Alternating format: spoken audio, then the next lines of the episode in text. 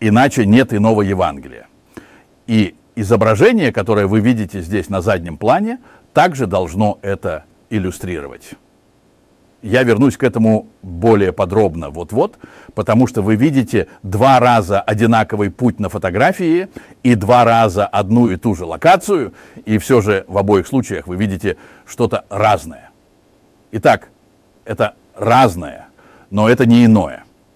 И в этом контексте я хочу говорить с вами об Евангелии. Ну, выражение «заголовок утра» — это заимствовано из текста Галатам 1. К нему мы еще вернемся, но это будет позже. Сначала я хочу начать э, с чтения отрывка из 1 Коринфян 15, и это великолепная глава об воскресении Иисуса Христа. По сути, это касается сущности Евангелия, а именно того, что Бог воскресил Христа из мертвых. Фактически мы э, снова сталкиваемся с тем же повествованием, о котором говорилось до этого исследования о том, как он, как гусеница, превратился в новую жизнь. И вы видите, как это проиллюстрировано во всем творении, но на самом деле это э, выражение того, о чем идет речь в радостной вести, в Евангелии. Что это так? Это подтверждает Павел в 1 Коринфянам 15. Он говорит, я возвещаю вам, братья, Евангелие, которое я вам возвещал, которое вы и приняли. Павел напоминает им о том, что он ранее уже рассказывал им устно, и теперь он письменно расставляет все точки над «и», и это не без причины, потому что существовали отклоняющиеся взгляды и рассказы, э, циркулировавшие в Коринфской церкви. И Павел решительно противостоит им. Павел делает это великолепным образом, он делает это, представляя вещи в доказательство. Он говорит – Евангелие, которое я вам возвещаю, которое вы приняли, в котором вы стоите.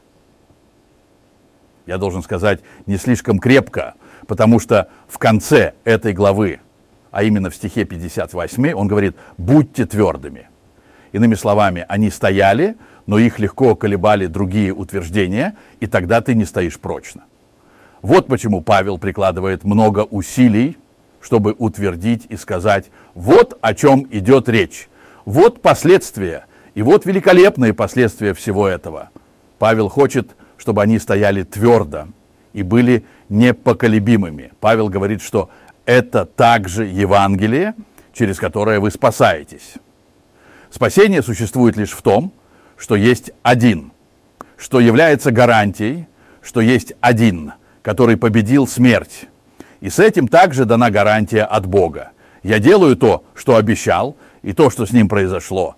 А именно то, что он оставил смерть позади себя и принес свет непогибающей жизни, такова судьба, каждому по его собственному чину для всего человечества. Это радостная весть, потому что это не вопрос или программа того, что вам нужно делать, или философия. Нет, это исторический факт. Сообщение – хорошая весть. И ничего нельзя отнять, вам ничего не просят. Это не имеет отношения к практике. Но у него есть огромные последствия для практики, конечно. Но я имею в виду, вы не можете ничего с этим сделать или что-то изменить. И вот в чем удивительность, Бог, который дает это сообщение, возвещает как вестник. Именно в этом заключено спасение. Именно в этом сообщении в этой хорошей радостной вести. Так говорит Павел, и теперь я читаю из стиха 11. Павел собирается ближе разъяснить, ибо вам в первую очередь я предал то, что и я получил. Потому что, вы знаете, Павел совершенно независим от 12 и тех, кто был для него апостолами, призванными и также обученными. Его не только призвали в пути к Дамаску за пределами страны, но он также получил обучение от самого Господа в Аравии. Павел говорит, то, что я получил, то я и передал вам. Павел разъясняет, что первостепенно, что он в первую очередь передал им. Интересно, что читая это, он начинает там, где заканчиваются Евангелия, а именно с смерти и воскресения Христа. Проверьте сами, потому что Павел продолжает, говоря, что Христос умер за наши грехи. По Писаниям это означает, что Христос умер. Да, но для чего? А именно, чтобы избавить нас от нашей бесцельности. Потому что грех – это не что иное, как упущенная цель.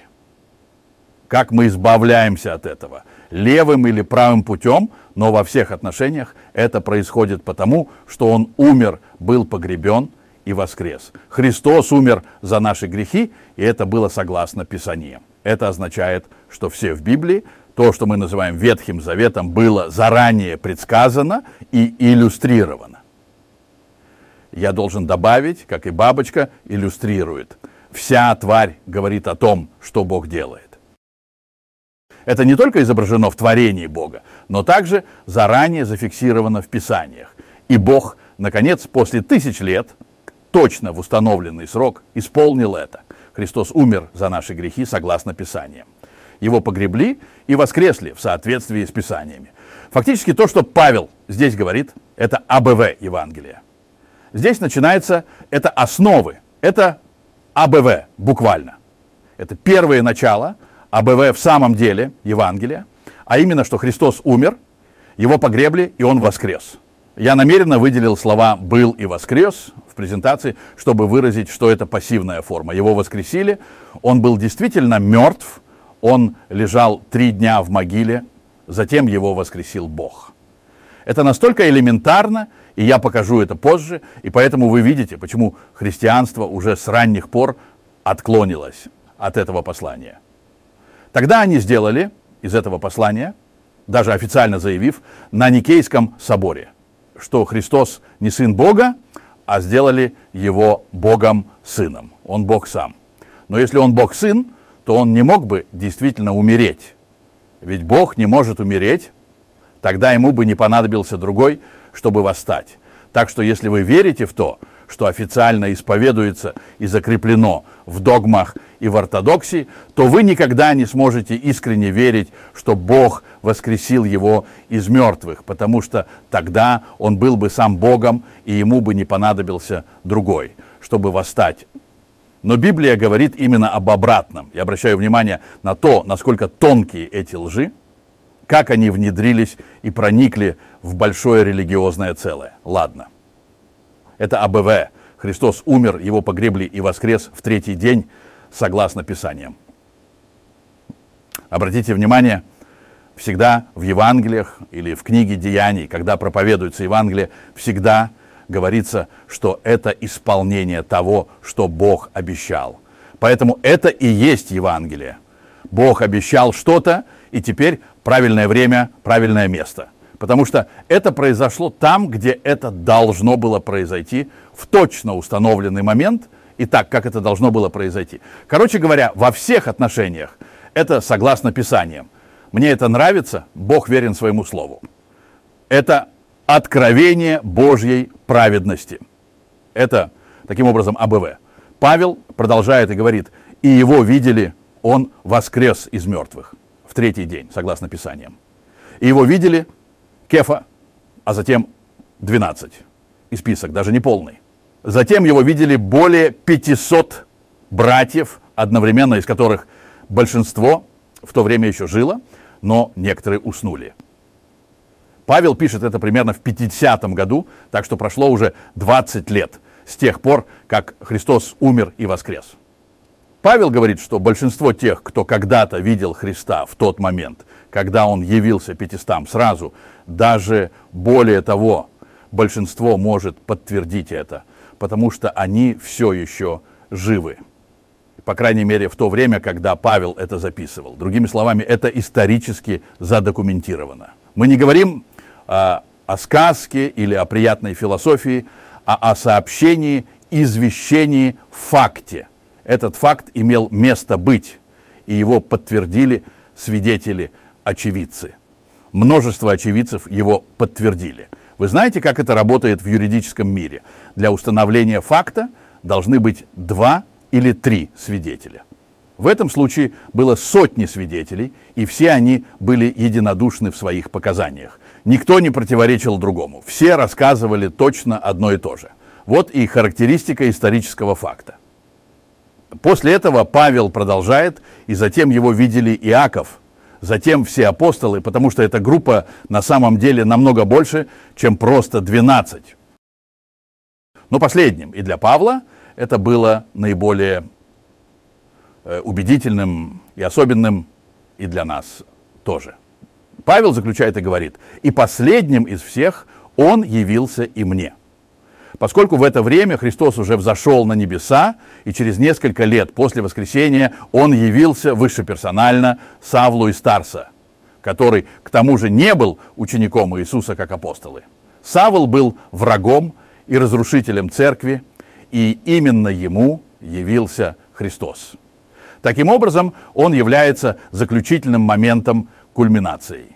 Последним из всех, как бы родившемуся недоношенному, он явился Христос также и мне, говорит Павел. Павел говорит, я самый маленький из апостолов по этой причине. Я недостоин называться апостолом, потому что я гнал церковь Божию.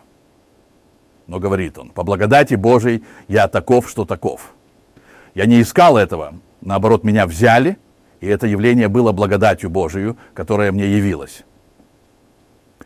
Фактически, вся его история – это эмблема того, что он собирался рассказать, а именно о благодати Божией, которая превосходит все. Та, которая не ожидает ничего от человека и которую ему было разрешено провозглашать. Павел также был призван для служения не только в стране, но и среди народов. Но благодаря благодати Божией я таков, каков, и его благодать ко мне не оказалась тщетной. Я более трудолюбив, чем все они, говорит он. Но он торопится добавить, но не я, а благодать Божия со мною. Павел был увлечен, и Божья благодать сделала его таким. Но Павел не говорит, это я сделал, это мне случилось. И вот теперь мы подходим к стиху, на который я хочу обратить внимание, а именно стих 11. Он говорит, «Итак, я или они, так проповедуем мы, и так вы уверовали».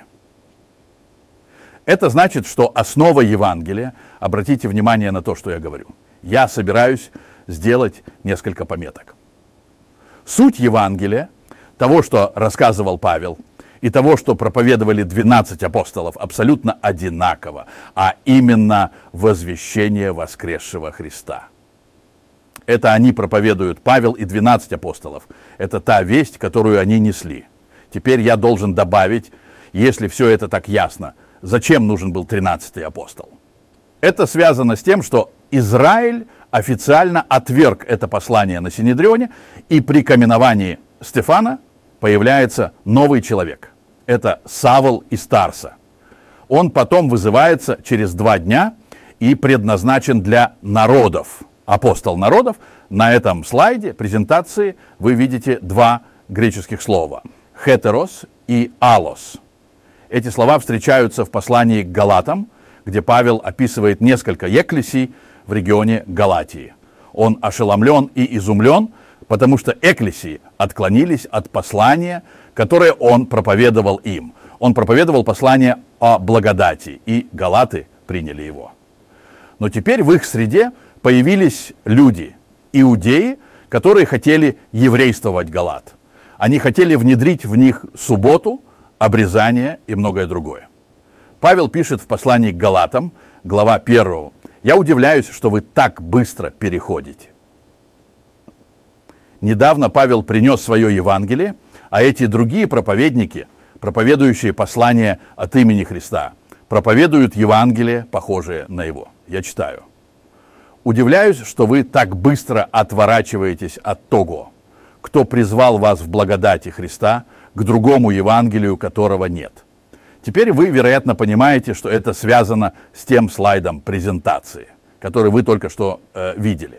Это связано с другим Евангелием, которое не является всем короче говоря, хетерос, а не алос. О чем здесь идет речь? Есть два слова. Идет речь о хетерос Евангелии, которое э, не является аллос. Греческий язык имеет два слова для другой. Это хетерос, что означает другого рода, и более слабое слово для другого алос. Это одно и то же, но все же разное. Приведу пример. Вы видите фотографию короля, когда ему 40 лет, и того же самого короля, когда ему 70 лет. Фотография короля в 40 лет не означает, что это другой король, когда ему 70 лет, но он выглядит по-другому. Фотография короля не хетерос, но она все же аллос. Разница заключается в том, что это другое время. Фактически это также применимо к Евангелию, которое проповедует Павел. Это не хетерос. Речь идет о Иисусе, который умер и был воскрешен Богом, так же, как и проповедовали 12 апостолов. Но Евангелие все же отличается, оно рассказано в другое время, и целевая аудитория другая, а именно народы. Не случайно э, Павел формулирует это именно так. Он говорит галатам, что то, что они проповедуют, не так уж и отличается, потому что в этом случае у Павла не было бы проблемы. Евангелие Павла, по сути, отличается от Евангелия 12 апостолов, но это не совсем другое Евангелие. То, что произошло в Галатии, и о чем говорит Павел, это то, что они проповедуют и называют Евангелием на самом деле не Евангелие. Это стоит под проклятием. Это не достойно названия Евангелия. Почему? Потому что в этом нет уже благодати. Снова ожидается что-то от человека. И это по определению не может быть правильным. В момент, когда человек может что-то добавить к тому, что Бог сказал, это уже не Евангелие. Фактически становится опаснее, когда от человека меньше требуется, потому что в этот момент разницу почти незаметно. Вы меня понимаете? Есть религии, которые требуют многое от человека. Ты должен делать это, ты должен делать то, что накладывает огромную ношу на человека, которую он должен нести. Есть также религии, которые, по сути, делают это для человека очень э, легким. Тебе нужно всего лишь, или это бесплатно, тебе нужно всего один цент, это почти бесплатно, э, но тогда это становится опасным, потому что это кажется бесплатным. Это э, бедствие, с которым пытаются тебя обмануть, как это делают с рекламой.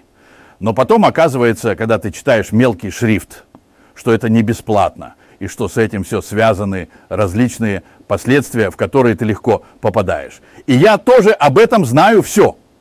Это очень тонко, и в этом и сложность христианства. Мне жаль, что я это говорю, но я говорю это сознательно. В христианстве не требуется так много от человека, вам просто нужно пойти в церковь по воскресеньям, вам просто нужно выбрать Иисуса. Но истинное послание заключается в том, что дело совершено. Вот сообщение. Бог воскресил Иисуса Христа из мертвых. И это гарантирует, верьте или нет, в этом Евангелии спасение. В этом заключается спасение. Э, беда, которая произошла у галатов, э, заключалась в том, что они говорили, теперь вы можете жить справедливо, только если вы обрезаны или э, соблюдаете праздники Израиля – все это еврейские обычаи и традиции, и их нужно воспринимать. Это означает, что есть условия быть справедливым. Просто вера больше недостаточно, говорят они. По мнению галатов, это больше не как у Авраама, как Авраам верил Богу. И это ему было вмещено в праведность, как мы можем прочитать в послании к римлянам. Нет, говорят они, чтобы быть справедливым, вам нужно делать это и то. То, что говорится в Галатии, и о чем говорит Павел в послании к Галатам, глава 3, стих 1, «Кто вас очаровал? Как это возможно, что вы отступили?» Вы не замечаете этого. Он в письме удивляется, где ваше счастье. Вы были когда-то так рады, и что из этого осталось? Это всегда беда в тот момент, когда что-то требуется от человека. Тогда включается плоть. Павел говорит, то, что вы говорите, это другое Евангелие и не просто другое. Теперь я перехожу к другому моменту, перелистываю главу и попадаю в Галаты, глава 2. Там Павел пишет о встрече, которую он имел в Иерусалиме, в том числе с 12 учениками, из которых три упоминаются по имени – Иаков, Петр и Иоанн, в таком же порядке, как и письма в Новом Завете. Эти три человека дают Павлу руку общения – они имели трудности с тем, что он говорил. Спросите у Петра. Он говорит, это все трудно понять. Но тем не менее они не могли не признать, что то, что он им сообщил, было правдой. Они дали ему руку общения, и когда он был в Иерусалиме, в Деяниях 15 описывается эта встреча, там сказано следующее. Когда они узнали, это апостолы в Иерусалиме с толпы, тогда они сказали, когда они увидели, что мне было вверено Евангелие обрезания, что это за Евангелие? Это Евангелие, в котором обрезание не играет роли. Обрезание – это э, технический термин, но это просто. Вы обрезаны или не обрезаны? У вас есть или нет? Это не обязательно э, название ритуала, но скорее название народа. Обрезание, по сути, это Израиль, народ, у которого есть обрезание и все привилегии, которые с этим связаны. Евангелие Павла отличается. Он не отрицает привилегии обрезания, но в его Евангелии обрезание не играет роли. Поэтому он называет его Евангелием обрезанных. К сожалению, в современных переводах Библии это неправильно передается. Здесь написано, что Евангелие предано обрезанным или необрезанным. Однако здесь не столько речь идет о адресации, сколько а, о сообщении или контексте того, что рассказывается. Когда они увидели, что мне было предано Евангелие обрезанных, в котором обрезание не играет роли, в отличие от Петра, который проповедовал Евангелие обрезания. Вот что я имею в виду. Евангелие, каким его проповедовал Павел, отличается от Евангелия Петра и других 12 апостолов. Павлу было предано Евангелие обрезанных, Петру Евангелие обрезания. Это значит, что это разное, не другое Евангелие, потому что Петр проповедовал воскресшего Христа, только перспектива была другой. В терминах компьютеров это э, фактически обновлено. Я имею в виду, это было через годы, ситуация изменилась, Израиль официально отверг Евангелие, ситуация изменилась, Евангелие теперь идет к нациям. Ситуация была другой, время было другое, поэтому это было другим. Но послание воскресшего Христа остается тем же. Павел также не был призван воскресшим Христом на земле, как 12 апостолов. У 12 было обучение здесь, на земле. Даже после воскрешения в течение тех 40 дней они встречались с воскресшим Господом здесь, на земле. У Павла не так. Павел был призван с небес. Понимаете? Это другая ситуация. Это произошло за пределами страны, за пределами Израиля, среди наций. Это другое, видите? Не другое Евангелие, потому что, повторю, Евангелие, которое проповедовал Петр, в нем обрезание играет важную роль. Это послание Израилю, чтобы они пришли к вере, тогда Мессия вернется, и через Израиль придет спасение ко всему миру и установится царство. Это Евангелие обрезанных. Это Евангелие остается в силе. Скоро, когда план Бога с Екклесией закончится, и мы встретим Господа в воздухе, Бог снова возьмет на себя роль с Израилем. Тогда снова будут два свидетеля в Иерусалиме, так начнется. Тогда Евангелие Петра снова станет актуальным, тогда станут актуальными послания, которые мы находим в Новом, Завете от Петра, Иоанна и Иакова. Но сейчас мы живем в интервале, в паузе, когда Евангелие обрезания на время стоит на паузе. Время, когда Павел проповедует Евангелие. Надеюсь, вы понимаете, что это разное, и на чем акцент в этом исследовании, это то же самое Евангелие в основе, которое идентично, азбука, элементы идентичны. В Евангелии обрезания послание таково. Бог призывает Израиль, обрезанных. В то время как в Евангелии обрезания Бог призывает языческий народ. Практически в послании, как проповедовал Павел, евреи присоединяются к тому народу, где двое стали одним. Где обрезание больше не играет никакой роли. В Римлянам 11 Павел пишет, что Бог через глупый народ призывает Израиль к ревности. Евангелие обрезания имеет земное видение. Его проповедовали 12, которые знали Господа на земле, с оглядкой на то, что произойдет на земле, с Иерусалимом и народами. Это земное видение. С Евангелием об обрезании связано небесное видение. Павел был призван из небес и более того, народ, который сегодня призывается, имеет небесное предназначение. Сэм. Также послание к Ефесянам. Вот в чем разница. Противоречат ли эти Евангелия друг другу? Это противоречие? Нет, это разные вещи. 12 также признали это. Они имели трудности с пониманием и переосмыслением. Это правда, но в Евангелии об обрезании фактически объявляется о новом управлении. Павел также говорит, мне вверено управление этим управлением, этим распределением, при котором два стали единым. Это промежуточный период, перерыв. Бог в конце концов возобновит связь с Израилем. Но одно, и позвольте мне этим закончить, одно остается неизменным. Воскресший Христос, независимо от того, знаем ли мы Его, как знали 12 Его здесь э, на земле, или как Он есть сейчас там э, у правой руки Бога, и что и мы пойдем в том направлении. В обоих случаях речь идет о воскресшем Христе, который абсолютно идентичен, так что нет другого Евангелия, но действительно оно разное до сих пор эти библейские занятия. Люблю, что ты слушала. Это было исследование Нидерландского фонда «Хорошая весть», в котором центральное место занимает Евангелие апостола Павла. И вместо обычного библейского перевода используется греческий основной текст. Хотите узнать больше об Евангелии Павла?